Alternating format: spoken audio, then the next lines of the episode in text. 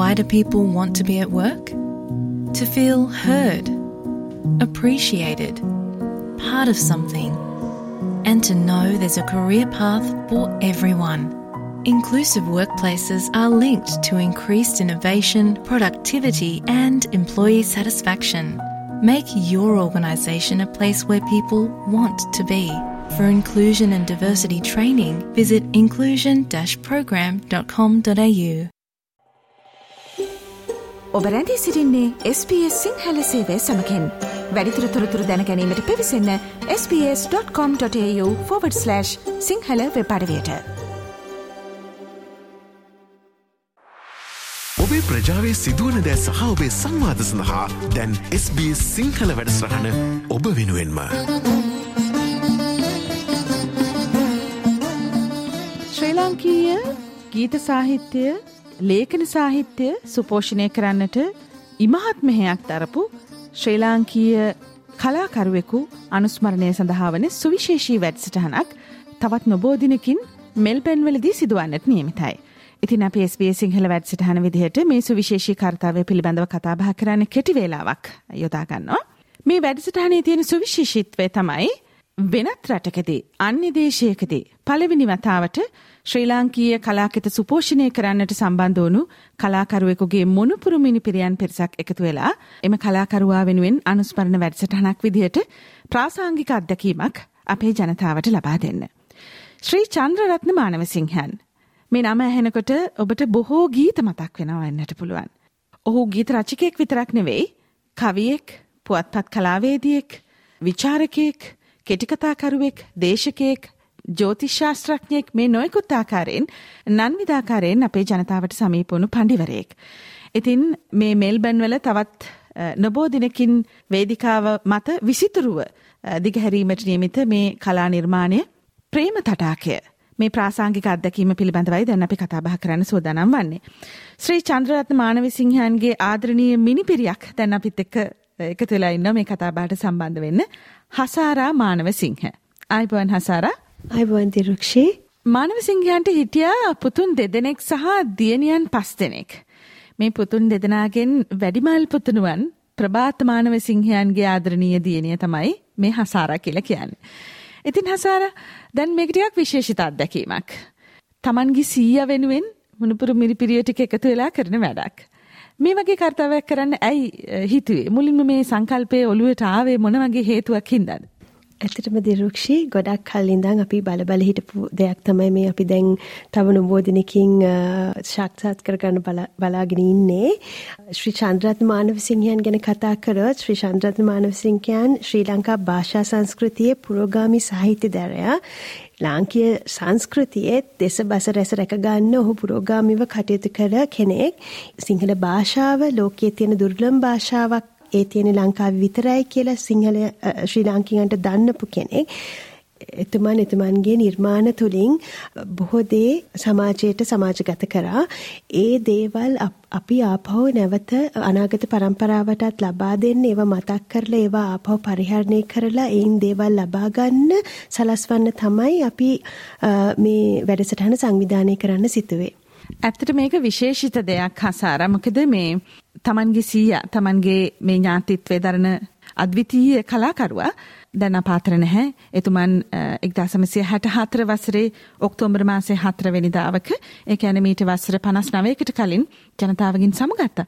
හැබැයි එතුමන් ලියපු 85කටත් වඩා අධික ගීත සංඛ්‍යාව තාමත් අපේ ජනතාව රස විඳිනවා. ඉතින් දැන් ඔබේ අත්දැකීම කොහොමද දැන් මං හිතන ඔබ ඉපදෙනකොට ඔබේ සීයා ජීවිතෙන් සමු අරගෙන. නමුත් මේ පුද්ගලයෙක් විදිහට නොදටුවත් ඒ සම්බන්ධතාවය කොහොමද ඇති කරගත්තේ? ඇත්තටම දිරුක්ෂි සීයා නැති වෙද්දි තාත්තටත් අවුරුදු 19 කියලා අපි අහලා තියෙනවා. අපිට ඒ සීයා ගැන මෙච්චර විදිහට හැඟීමක් ඇති වෙන විදිහට සීයා කවුද කියන එක ගැන අපිට කියලා දුන්නේ අපේ ආච්චි අම්මා ශ්‍රීමති වසන්තා මානවසිංහ ආච්චි අම්මගේ නම ආච්චි අම්මා අපිව ඉස්සර බොහෝ වෙලාවට හවසට ලං කරගෙන සීයත් එක්ක ආච්චි අම්මා ගත කරපු කාලය ගැන කතන්දර කියලා දෙනවා. සීයාගේ හැම වැඩ කටයුත්තකටම ආච්චි අම්මා සම්බන්ධ වෙලා තියෙනවා. සීයාගේ හැම තැනකටම ආච්චි අම්මත් සීයත් එක්ක ගිහින් තියෙනවා.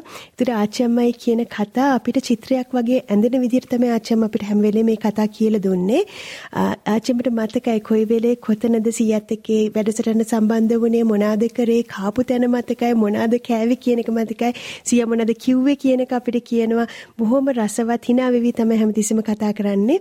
ඉතින් අපිට බොහොම රසවත් සිය ගැන ගොඩාක් කරුණු අපිට ආච්චම්මගෙන් තමයි දැනගන්න ලැබුණේ. ඒ සම්බන්ධයත් එක්කම අපිට ගොඩාක් සම්බන්ධතාවය ඇති වෙන්නේ ඒ දේවල් ඉවහල් වුණා කියලා මට කියන්න පුළුවන්.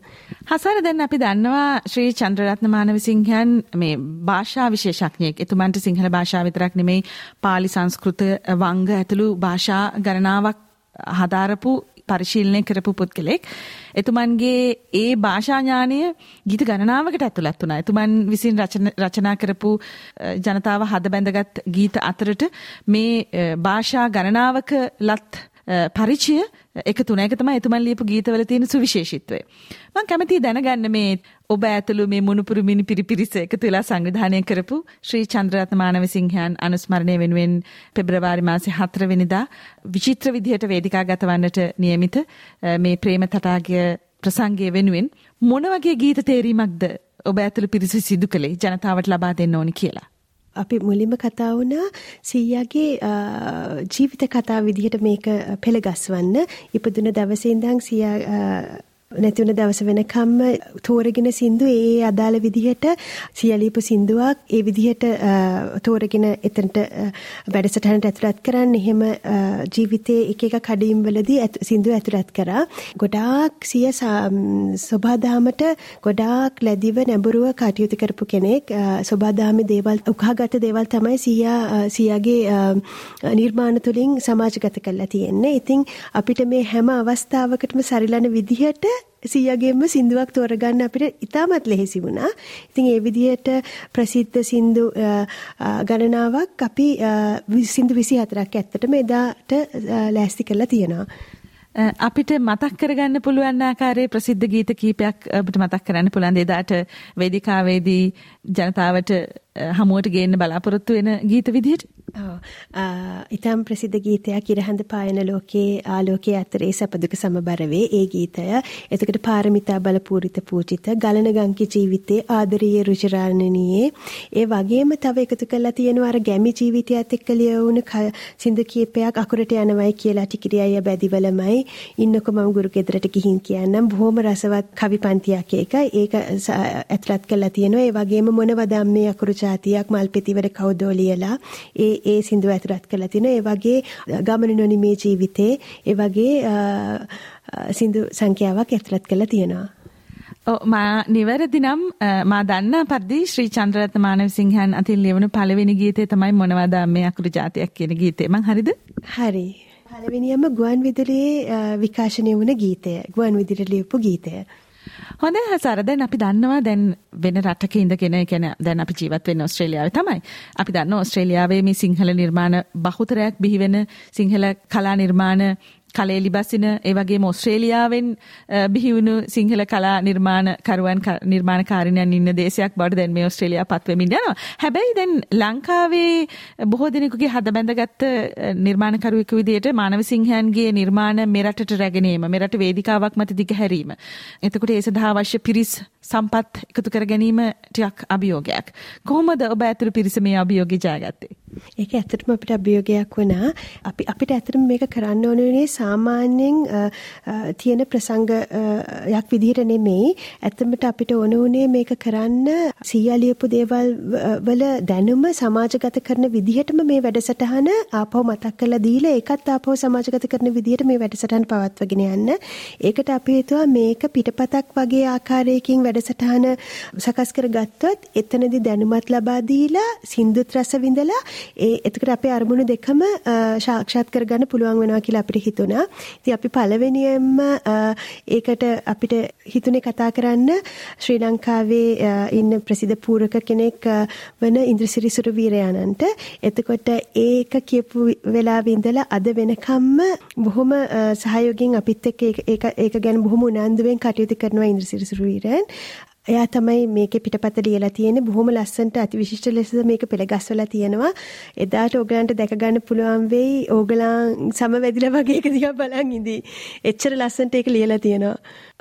ඒට අමතරව මේ නිෂ්පාදනය කරද්දී අපිට විවිධ අංශ වලින් දේවල් ඕන වෙනවා සංගීතය නර්තනය ඒ වගේ දේවල්. එතකොට එතනදී අපි සංගීතයේ පැත්ත හිතද්දී අපි තෝරගත්තා මෙල්බන් වල ජීවත් වෙන අතිදක්ෂ සංගීතවේදියෙක් වන ඉන්ද්‍රජිත් මිරිහානයන් ඔහුත් අපිට මේ දේ පටන් ගත තැන ඉඳන්ම අද වෙනකම්ම බොහෝසේ උදව් කරා මේ කාර්යය සාක්ෂාත් කරගන්න අපිට සම්බන්ධ වෙච්ච අපිට මේක කරගෙන යදි සම්බන්ධ වෙද හැම පිරිසක්ම තමන්ගේම වැඩක් විදිහට මේක සැලකලා බොහොම උනන්දුවෙන් උද්‍යෝගයෙන් අද අද වෙනකොට අපිත් එක්ක මේක ලස්සන ප්‍රසංගයක් ශ්‍රී ලාංකිකයන්ට ලබා දෙන්න කටයුතු කරගෙන කරමින් ඉන්නවා. හසාර දැන් තවත් කාරණාවක්. දැන් මේක පෙබරවාරි මාසේ හතරවෙනිදා අපේ මාතෘභූමිය ශ්‍රී ලංකාවේ 75 වෙනි නිදහස් සැමරුමේ දෙන දිනේ හරියටම. ඉතින් එදාට ඇත්තටම ශ්‍රී ලංකාවේ ලාංකීයත්වය ඔප්නං වන්න කලාව තුලින් විශාල මෙහෙවරක් කරපු මානව සිංහයන්ගේ කලා නිර්මාණ වේදිකාවක් මතට රැගෙනීමත් සුවිශේෂී අවස්ථාවක් විදිහට හඳුන්වන්න පුළුවන්. එතකොට ශ්‍රී චන්ද්‍රරත්න මානවසිංහ මේ ගීතාවලෝකනේ ප්‍රේම තටාකය එදා ප්‍රසංගයට ඇතුළත් වන ගීත පිළිබඳ ඔබ දලා අවබෝධයක් ලබා දුන්නා. එතකොට ලංකාවෙන් පැමිණෙන කලාකරුවන් වේදිකාව මත තව තියෙනවා නම් අතිරේක අංග විදිහට සූදානම් කළා ඒ පිළිබඳව පුංචි දැනුම් දීමක් අපේ ශ්‍රාවකයන්ට කළොත් ඒගොල්ලෝ දැනගනි එදාට මොනවද සිද්ධ වෙන්නේ කියලා වේදිකාව මත. ඔව් ලංකාවෙන් සිංහල කතනය සඳහා ඉන්ද්‍රී සුරවීර අපිත් එක්ක සම්බන්ධ වෙනවා. ඊට අමතරව තව විශේෂ දෙයක් අපි මෙතන ලෑස්ති කළ තියෙන දිරුක්ෂි අපේ දරුදැරියන්ට තේරෙන විදිහට ඒ හැම සින්දුවකම විස්තරයක් පොඩි විස්තරයක් ඉංග්‍රීසි බසිනුත් අපි ලෑස්ති කරලා තියෙනවා.